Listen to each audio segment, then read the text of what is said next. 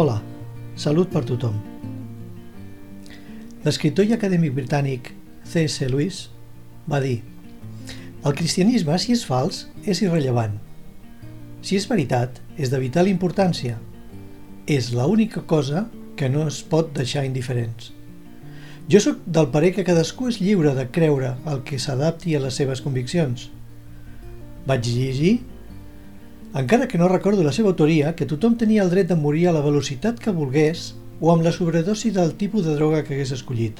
Bé, potser això és una mica extrem, però no deixa de tenir la seva raó.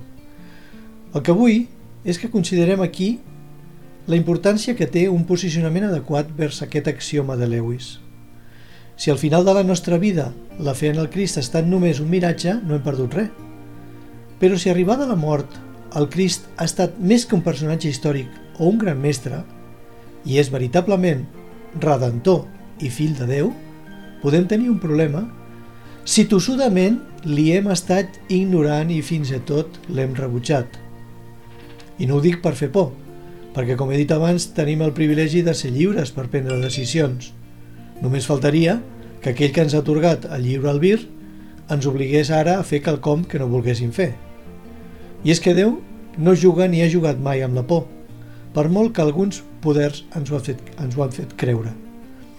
La seva eina de seducció ha estat sempre l'estimació, que el va portar a fer que el seu fill únic patís en lloc nostre, per deslliurar-nos del pecat.